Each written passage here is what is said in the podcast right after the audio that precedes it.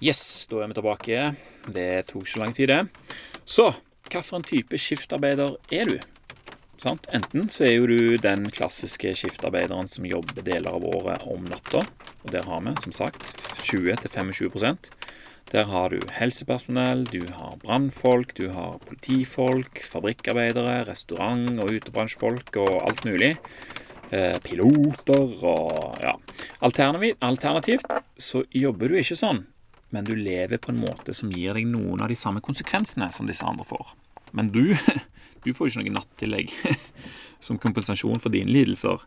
Eh, og de lidelsene de er jo som sagt kjent, men har vært litt vanskelig å sette fingeren på.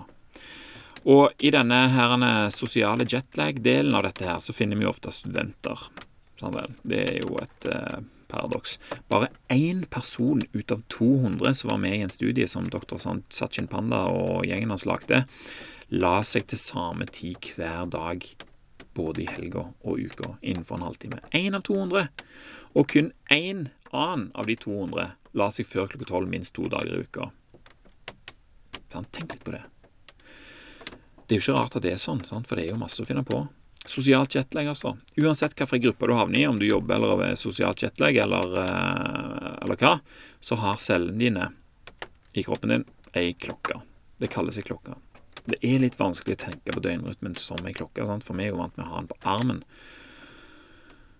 Eh, eller Det er ikke så mange som har klokka på armen lenger som før, i alle fall, men eh, det er jo heller på telefon og sånt nå til dags. Men poenget er at vi er vant til å se klokka og vite hva den er for noe.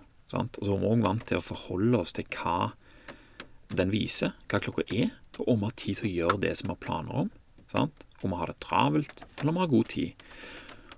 Og, og, så lurer vi kanskje på om vi har sovet nok, eller om vi kommer til å være trøtte i dag. Sant? Alt det finner vi ut ved å se på klokka. Og det er vanskelig å forholde seg til noe som vi ikke kan se. Tenk hvis vi aldri hadde hatt klokker. De hadde jo ikke det før i tida. Klokka ble jo funnet opp på et tidspunkt. Så bare på sola. Og det er så lenge siden. Vi har iallfall glemt det helt ut. Vi kan se om sola er der eller ei, men vi tenker ikke om den er fire eller to. Eller vi kan iallfall ikke se det så godt, da. Med mindre du prøver over litt. Grann. Noe de færreste gjør, fordi de har nettopp klokka på telefonen. Og Selv om det er vanskelig å tenke seg at det inni i nesten alle cellene våre er en mekanisme som skal justere hva for noen prosesser som skal skje i kroppen, så er det nå engang sånn det er, da. Og den klokka den går ganske nøyaktig òg. Den har liksom bare én Det er ikke stoppeklokke, nedtelling og sånne ting. Den går bare helt ganske nøyaktig. Og så er den veldig enkel å stille på. Sant? Og du kan ikke stille den fram eller tilbake i tid. Du kan bare gjøre én ting, og det er å nullstille den. Sammen. Og vi stiller våre kroppslige klokker flere ganger om dagen med, for det er mange forskjellige typer av de. Det skal vi komme mer inn på etter hvert. Eh, og klokkene stiller seg basert på hva vi gjør, hva vi blir utsatt for, og hva som skjer med oss. Og når øynene dine i ukedagene registrerer lys klokka sju om morgenen, la oss si det da, som et eksempel, da er den klokka nullstilt for den dagen. Fra det sekundet så teller han ned ca. 24 timer. Og når de 24 timene er gått, så forventer han at han skal se lys igjen. Sammen. Det er sånn det funker. Den går ca. 24 timer, og hver gang det har gått ca. 24 timer, og det samme tingen skjer igjen, som lyset, lyset er liksom hovedklokka, og så styrer den mange av de andre klokkene. Så hvis du har fått lys klokka sju om morgenen, da kan du banne på at den klokka der forventer å se lys klokka sju neste morgen. Cirka. I mellomtida, fra det ene signalet denne ene dagen til det samme signalet neste dag, så skal kroppen da gjennom et voldsomt repertoar av prosesser som disse klokkene her hjelper kroppen å utføre. Ikke bare skal han utføre de, men han skal òg utføre de til passende tidspunkt. Samuel. Og det er der det er der dette her blir viktig. For han skal jo være ferdig med alle disse prosessene før han setter i gang med neste tilsvarende runde, som er neste dag. Samuel. Jordkloden, den snurrer rundt, den. Det samme skjer igjen og igjen. Ett døgn, to døgn, tre døgn. Sånn er det for kroppen òg. Skal gjøre det samme i døgnet. Skal være våken, skal gjøre alt mulig, skal sove og restituere. Og Pga. disse signalene som disse klokkene stiller seg etter, så vil jo da kroppen altså forvente å få lys i øynene neste dag klokka sju. Og det er da det fungerer, dette her, etter hensikten. Sant? Alt går enklere om det skjer noenlunde likt hver dag. Det trenger ikke være helt nazi, men noen ting er det lurt at det skjer hver dag. Og hvis det da plutselig er lørdag, og så kommer det ikke noe lys før klokka ni eller ti fordi det er helg, da vil jo lysklokka nullstille seg etter dette nye tidspunktet. Og da vil han forsøke å tilpasse alle prosessene etter dette nye tidspunktet. Og kroppen samarbeider om å legge til rette for at alle funksjonene skal iverksettes og stanses i henhold til at lys kommer klokka ni eller ti neste dag, som da er søndag. Sant? Enten det passer eller ikke, enten det er søndag eller mandag. Kroppen vet, vet ikke noe om hva klokka er, eller hva dag det er. Sant? Den forholder seg kun til at det er ca. 24 timer mellom hver fullførte runde. Han vet jo ikke hva en time er engang, men han vet bare at det er så lenge. Det er så lenge det pleier å gå mellom soloppgang og soloppgang. Eh, denne veien eh, her, som er å sove litt lenger, det, det, er ikke så krevende å forholde seg til. Samme. Du vet jo det når du har reist, så er det sånn å reise den ene veien, det er greit nok, men å reise den andre veien oh, Det er litt verre. Og sånn er det jo når vi skal på jobb igjen på mandag. Sant? Problemene er mye større når mandagen kommer og lyset plutselig kommer klokka syv igjen. To-tre timer før han forventa. Nå føles det ikke like enkelt å endre på klokka som det var på lørdagsmorgen. Kroppen er ikke ferdig med det han gjerne skulle vært ferdig med. Og han vil gjerne at du skal lukke øynene igjen, sånn at han kan gjøre seg ferdig. Det er jo det vi kjenner når vi er våkne på mandag og bare Oi, jeg er så trøtt, liksom. Jeg orker ikke. Det er jo fordi at kroppen gjerne vil at du skal fortsette å sove, sånn at han kan gjøre seg ferdig, sånn at du kan være klar til 9-10-tida, sånn som var avtalt. Uh, og når du da ikke har muligheten for å gi kroppen din det han trenger, så betyr det bare én ting. At kroppen må avbryte prosessen han holder på med. Han må nullstilles klokka igjen to-tre timer før han er ferdig. Sånn vel. Kroppen trodde jo at han hadde to-tre timer på seg til å gjennomføre disse her vedlikeholdstingene og, og drømmer og fikse tarmene og alt mulig sånne ting. Sant? Men når, når man avbryter disse prosessene, og det gir jo selvfølgelig da konsekvenser Kroppen må sette i gang disse andre prosessene som har med våkning å gjøre. Eh, og det er jo prosesser som man egentlig ikke er klar for å starte opp med ennå. På samme måte er det med mat. Når vi står opp klokka sju og spiser halv åtte, så vil kroppen neste dag begynne å klargjøre magen, tarmene, enzymproduksjonen eh, og, kortisolnivå, kroppstemperatur, alt mulig, for å ta imot mat. Allerede før vi våkner, så begynner dette her. En god time før maten forventes, så settes dette her i gang. Klokken i cellene våre sørger for det. Og det får han ikke tid til hvis han blir overraska med mat to-tre timer før han egentlig skulle. Da blir det ikke like lett å fordøye maten som det er når alt er klart, sant? og vi er i, i tråd med dette. her, Er du med? Han må altså avslutte sin restitusjonsprosess to-tre timer, to, timer, før han er ferdig, og så må han tvinge i gang alle de andre systemene før de er klare. Sant? Vi dør ikke av dette her. Ikke ennå, iallfall. Dette er en nødløsning. Kroppen sender signaler som vi skal tolke som nei, nei, nei, du må vente, sant, jeg er ikke klar. Men vi kan ikke vente, for vi skal på jobb, og ungene skal på skole og barnehage og sånt. Vi vet jo det at vi skal det. Men kroppen kan ikke planlegge det. Den, bare, den må bare henge med. Sånn. Og vi vet jo òg at nød, denne nødløsningen, nødløsninger er sjelden optimalt. Det er sånn Nei, å, vet du hva, jeg måtte bare ta en sånn nødløsning. Så det var derfor det ble sånn som det ble. Nødløsninger er ikke sånn som det skal være. Og konsekvensene av at kroppen ikke fikk gjort seg ferdig, det kan jo da henge igjen i dagevis. Og dette er kun snakk om å snu et par-tre timer på, på døgnet i helga. Tenk deg hvor vanlig dette her er. Um, og han må hente seg inn igjen. Alt etter hvor heftig påkjennelsen er. Samuel. To timer det er ikke like mye som en helaftens på byen med nattmat og oppvåkning i 11-12-tida. Samuel. Uh, da, må du ta masse konsekvenser. Men bare de to-tre timene òg, det gjør sine ting. Og Det er derfor Matthew Walker sa i den boka om, eh, om søvn at eh, selv om du har vært ute og lagt deg seint, dette forsto jeg ikke helt eh, i den tida, husker jeg, men uh, det tok iallfall lang tid. Selv om du har vært ute og lagt deg seint, så er det bedre å stå opp til vanlig tid, til tross for at du er trøtt den dagen. Sant? Og det er jo fordi at du skal sette i gang klokken igjen, sånn at klokken ikke blir så forvirra. Og da kan du heller legge deg og sove i løpet av dagen, sant? og ta igjen litt da. For da er det ikke så styrete for klokkene. Sant? Hvis du setter i gang klokken nå klokka syv som vanlig, å? Så klarer du å holde deg til klokka ni, så sover du heller fra ni til tolv, da. Samuel. Da er du iallfall i rytmen, og da blir det faktisk mye enklere å våkne på mandagen. enn hvis du bare lar deg sjøl sove til, til klokka 11-12. da. Og som sagt, kroppen er jo robust. sant? Den klarer jo dette en gang imellom. Men når vi sover lite i ukene og tuller i helgene, da blir det vanskelig å hente seg inn. Uansett om vi spiser aldri så sunt og trener aldri så mye. sant? Det er der det kommer inn i bildet. Hvis vi da oppfører oss i forhold til klokka, så blir det å spise sunt og trene aldri så mye, da får det en høyere verdi. Det får en høyere effekt. Og sant, Dette gjelder ikke bare søvn. Mange mange andre ting òg som vi finner på, driver og stiller disse kroppsklokkene våre i øst og vest. Og når vi spiser, og når vi trener, og når vi eksponeres for lys, er selvfølgelig helt annerledes i et sivilisert samfunn som det vi lever i, enn hva det er i naturen der vi kommer fra. Sant? Og det er jo først når vi begynner eh, å stille klokkene våre i tråd med hensikten de blir utvikla for, det er først da ting faller på plass, som jeg sa innledningsvis. Åh, jeg mener altså, Det er rett og slett vakkert å oppleve hvordan dette her funker. Det er like vakkert som det er dritende skummelt å merke når dette her ikke virker. Når du skjønner hvorfor du føler deg sånn som du føler deg når du ikke får ha dette her på stell. Og med de fleste av de som hører på her, de lever jo i Norge, sant. Og her blir det mørkt om vinteren da. Og det er litt styrete for, for klokkene våre. Blant. Jeg pleide å ha vinterdepresjoner, kanskje du òg hadde det.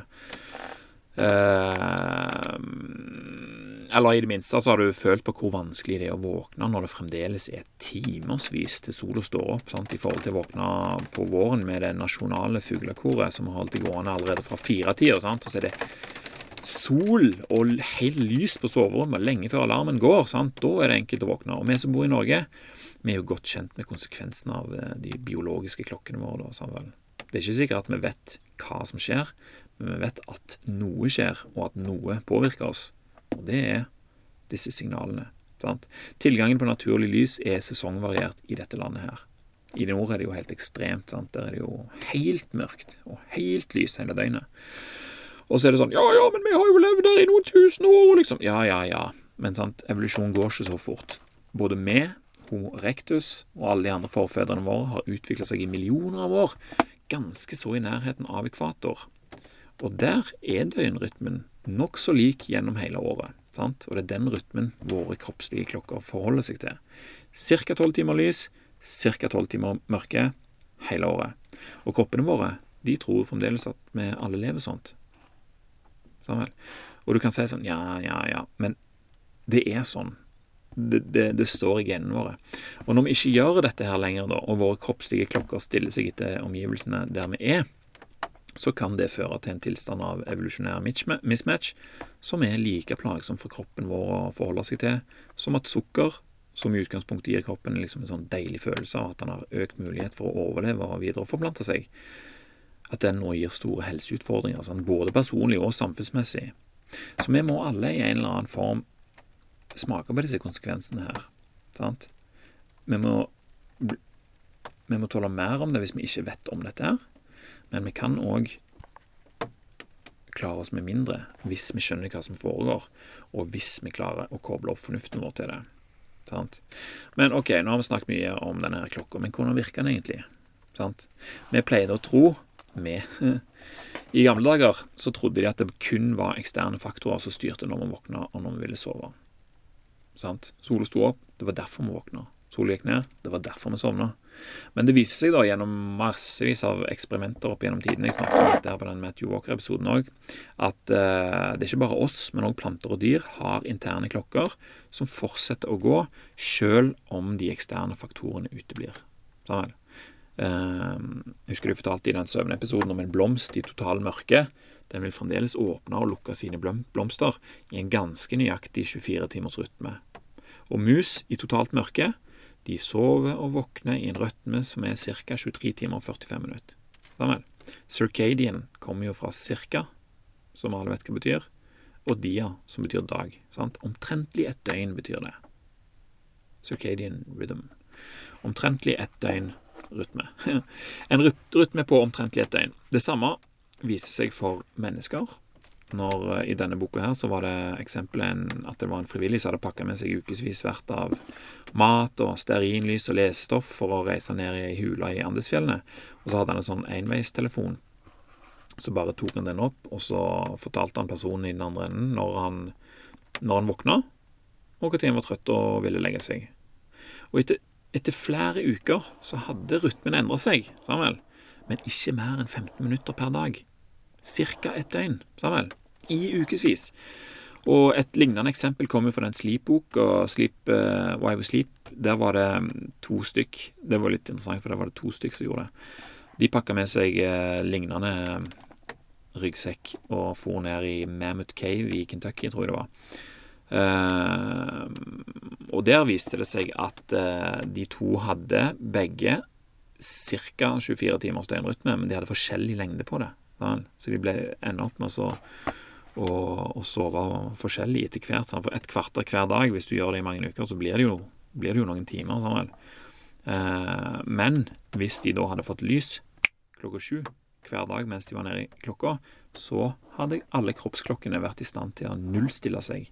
Sant? Det hadde kanskje gått 23 timer og 45 minutter, og så Der kom lyset. Nullstilt klokka. Så går det 23 timer og, og sant? Da ville jo gått uh, Ja, hvis det hadde gått 24 timer, da, så er liksom egentlig kroppen ferdig med det han skal gjøre på 23 timer og 45 minutter. Og så venter det litt, og så ding, Der kom lyset. Nullstilt. Sammen. Uh, og dette her var jo da beviser nok til å fastslå at vi har en indre klokke som sørger for at vi veksler på hvilke systemer og prosesser som kroppen vår utfører. Alt er jo da rigga på en måte som sørger for at vi får gjort det vi trenger å gjøre, når det passer, og når det passer med hvilken slags tid på døgnet. Vi restituerer om natten når vi ikke gjør noe, og så er vi våkne og er klare for å utføre nødvendige aktiviteter om dagen når det er lyst, og vi kan finne mat og vann og tilpasse miljøet vårt praktisk. Sammen. Klokka er som sagt ikke nøyaktig 24 timer, men den er veldig veldig enkel å stille, sånn at den kan samkjøres med omgivelsene. Men kapasiteten er begrensa. Vi kan ikke stille den flere timer til dagen uten at konsekvenser følger. Men om du f.eks. eksponeres for lys innenfor en halvtimes tid, av hva den interne klokka sjøl har beregna og gjort seg klar for, så er det nært nok til at overgangen går relativt sømløst. For da er den sånn, ja, ganske ferdig, på en måte. Og sånn i utgangspunktet så burde det jo ikke være eh, voldsomt sjokkerende at døgnrytmen er en del av oss, for vi har jo tross alt utvikla oss på jordkloden der døgnet har vart i 24 timer gjennom hele vår evolusjon og hele dyreevolusjonen, faktisk. Hele, hele, jordas historie, omtrent, eh, uten at de skal være for skråsikre på det. Eh, men faktisk så var et klokkegen en av de første tingene som kom på plass i genene våre i det som kalles for dyreevolusjonen. Alle dyr og planter har dette klokkegenet. Ei biologisk klokke, eller ei kjemisk klokke, om du vil, og den fins i nesten alle kroppens celler. Klokka går relativt jevnt om man ikke blir påvirka, og han nullstilles av diverse signaler fra omgivelsene, spesielt lys. Men hvordan virker han? Hva er det som skjer? Når de første lysstrålene treffer øyet ditt, så resettes den hovedklokka, SNC er det den heter. Den kommer tilbake til i neste episode. Og når dagens første kalorier treffer innsida av kroppen din, da nullstiller du klokka til leveren, sant? som begynner øh, Og, og alle, alle, alle, de kroppslige eh, klokkene de, de, nullstilles av sånne signaler. Hvor mange ganger har jeg sagt det nå? Men det som, det som skjer da, når du nullstiller, så begynner produksjonen av en RNA-kode fra DNA-et ditt. Sånn, inni cellekjernen, inni cella di, der DNA er, så går den koden. Og denne koden, den kommer fra klokkegenet, som alle har. Både meg og deg og oss og alle andre dyr, og planter òg. Akkurat samme gen er det. Og denne koden her, det er en oppskrift på et protein. Og når den oppskriften beveger seg utenfor cellekjernen, så dannes dette proteinet, eller det produseres. Og så kommer det et annet protein som slår seg sammen med det proteinet som dannes av den koden. Og sammen så fører dette nye proteinet seg sjøl Altså begge de to proteinene oh, da jeg holdt på å gå i stå her. Begge de to proteinene de blir da tilbakeført til kjernen i cella. Og når konsentrasjonen av disse proteinene inni cellekjernen blir høy nok, så stanser produksjonen av klokkegenskoden. Sant? Og da blir proteinene brutt ned, og når det er gjort, da starter produksjonen av koden igjen. Koden beveger seg ut av kjernen, lager proteiner, blir ført tilbake, metter kjernen, bryter ned proteinene og starter på nytt igjen. Denne prosessen tar ca. ett døgn å gjennomføre, og det er det som er den biologiske klokken. Og cellene i kroppen vår gjør forskjellige oppgaver i forhold til hvor langt denne prosessen er kommet. Sammen. Å kunne noe av dette her, det kan forandre enormt mye for oss, både personlig, men òg for hvordan vi behandler sykdom.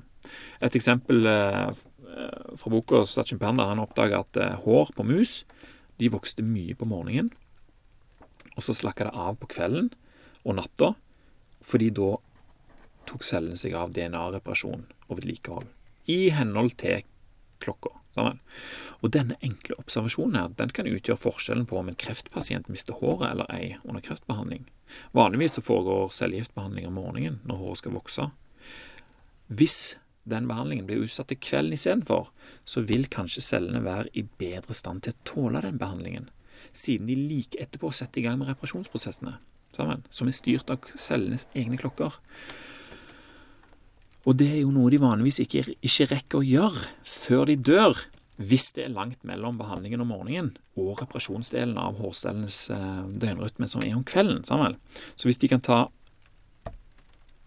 strålebehandling på kvelden, da, så kan det være at de slipper å miste håret. Det er jo bare ett eksempel, det er jo ikke akkurat verdens viktigste ting. Men det forklarer litt om, hvis vi kan gjøre det, hvor mye annet kan vi gjøre, liksom. Sant? Hvis vi kan finne dette ut om hår og stråling. Um, og jeg vil gjerne anbefale et program som jeg så på NRK som handler om døgnrytme og hvordan det virker på oss. Det heter Kroppens kamp mot klokka. Og den syns jeg var veldig kjekk å se. Den kan du søke opp, og så ser du den episoden. Og det, det som òg er kult, da, det er at du får Det er en sånn tegning som viser den her klokkeprosessen i cellene. De snakket om den koden som går ut, og så blir det et protein, så kommer det et annet protein, og så går det inn igjen, og så metter han cellekjernen, og så brytes de ned, og så begynner det på nytt igjen. Det, det, får du se, det har de tegnet, liksom, så da er det mye lettere å forstå det. Og I tillegg så får du jo da møte denne her eksentriske forskeren som fikk eh, faktisk nobelprisen for den oppdagelsen. Han holdt på med det i ti år, han. Og stol på meg, det er verdt å se, bare for å se på den fyren og høre hva han sier. For han var litt av en type. Og så i det samme programmet så møter vi òg en annen kar som lever alene i en bunker i ti dager, akkurat som det er Mammoth Cave og Andesfjell-huleeksperimentet. Uh, han er der nede i ti dager han har ikke lyset av hele tida, da, men han er der uten å noensinne vite hva klokka er. Og så sitter de på utsida og skrur av og på lyset og, og ber han gjøre forskjellige oppgaver til forskjellige tider på døgnet og sånt for å finne ut forskjellige ting. Man bedre da, og, og så gir de han òg jetlag. Plutselig vekker det opp flere timer tidligere. Han har ikke peiling at han har sovet mindre. Han bare kjenner seg skikkelig dårlig. Så kan han gjøre de samme testene, og så får vi se hvor mye dårligere han presterer, og hvor mye Ja, sånne ting. Veldig kjekt program som handler om akkurat dette her, som eh, jeg tipper vil eh, øke effekten da, av å høre på disse episodene her. Uh, skal vi se, skal vi se og, og så er det òg noen godbiter der for de som jobber natt. Sant? Det kommer en fyr der som eh, møter et par som jobber nattskift, og så forklarer de hvordan dette virker. og Så gir de noen sånne Blue Blockers briller og, og forklarer liksom hva, de, hva de bør gjøre for, for å leve, leve, enklere, da, leve i tråd. For, for, du kan snu klokka. Du kan gjøre det. Men sånn som han sier da, i det programmet Nå spoiler jeg jo hele driten, da, men det han sier, er at hvis du jobber om natta, så er det mye bedre for deg sjøl om du bare holder den døgnrytmen òg når du har fri. Sammen. Fordi den snudriten, det er den som er skikkelig Det er det som ødelegger. Så hvis du bare holder det, så, så går det bedre. Men da må du òg være veldig flink i forhold til når du eksponerer deg sjøl for lys. Sammen. Så de får sånn eh, se det. Det er leksa di til neste gang. Se den der Kroppens kamp mot klokka på NRK. Alle kan se det. Det er gratis. Det. er Bare gå inn på nrk.no, og, og, så finner du den. Så det var altså to innledende episoder om døgnrytme. Eh, da har vi funnet ut at eh, ja, vi er mest sannsynlig skiftarbeidere, og vi har òg fått vite hvordan denne klokka virker. Men i neste episode så skal vi ta for oss mer konkret hvordan vi kan få dette til å virke til vår fordel. da. Uh, og det du òg kan tenke på i mellomtida, er at uh, det er stort sett det vi gjør mellom klokka seks om kvelden til klokka tolv om, om natta eller kvelden, da, som har størst sjanse for å påvirke hvordan dette her skal fungere. Sammen. Det høres ikke så galt ut. Hvis du, først, hvis du først klarer å gjøre det, så er det ikke så farlig med resten. Det er det som er så sykt med det Satchin Panda sier. Hvis du har det på stell, så er det ikke så farlig lenger om du trener, hva du spiser og sånne ting. Selvfølgelig med Vi kan ikke overdrive, men det vil iallfall bli mye enklere for kroppen å fungere eh, til tross for det han gjør, hvis du har dette her på stell. Så tenk på det. Hva gjør du mellom klokka 6 og tolv? Så skal vi snakke om det neste gang. Fordi at det er det som har mest å si for hvordan den neste dagen din blir. Men ok, tusen takk for tålmodigheten i forhold til dette temaet her. Takk for at du venta. Jeg vet jeg har sagt det mange ganger jeg skal gjøre det. Nå har jeg endelig satt i gang. Så da vil jeg jo bare si tusen takk for at du hørte på, og så gleder jeg meg til å snakke mer om dette her i neste episode. Så i mellomtida så må du ha det fint, og så får du tenke på disse tingene. Se kroppens kamp mot klokka, og så snakkes vi neste gang.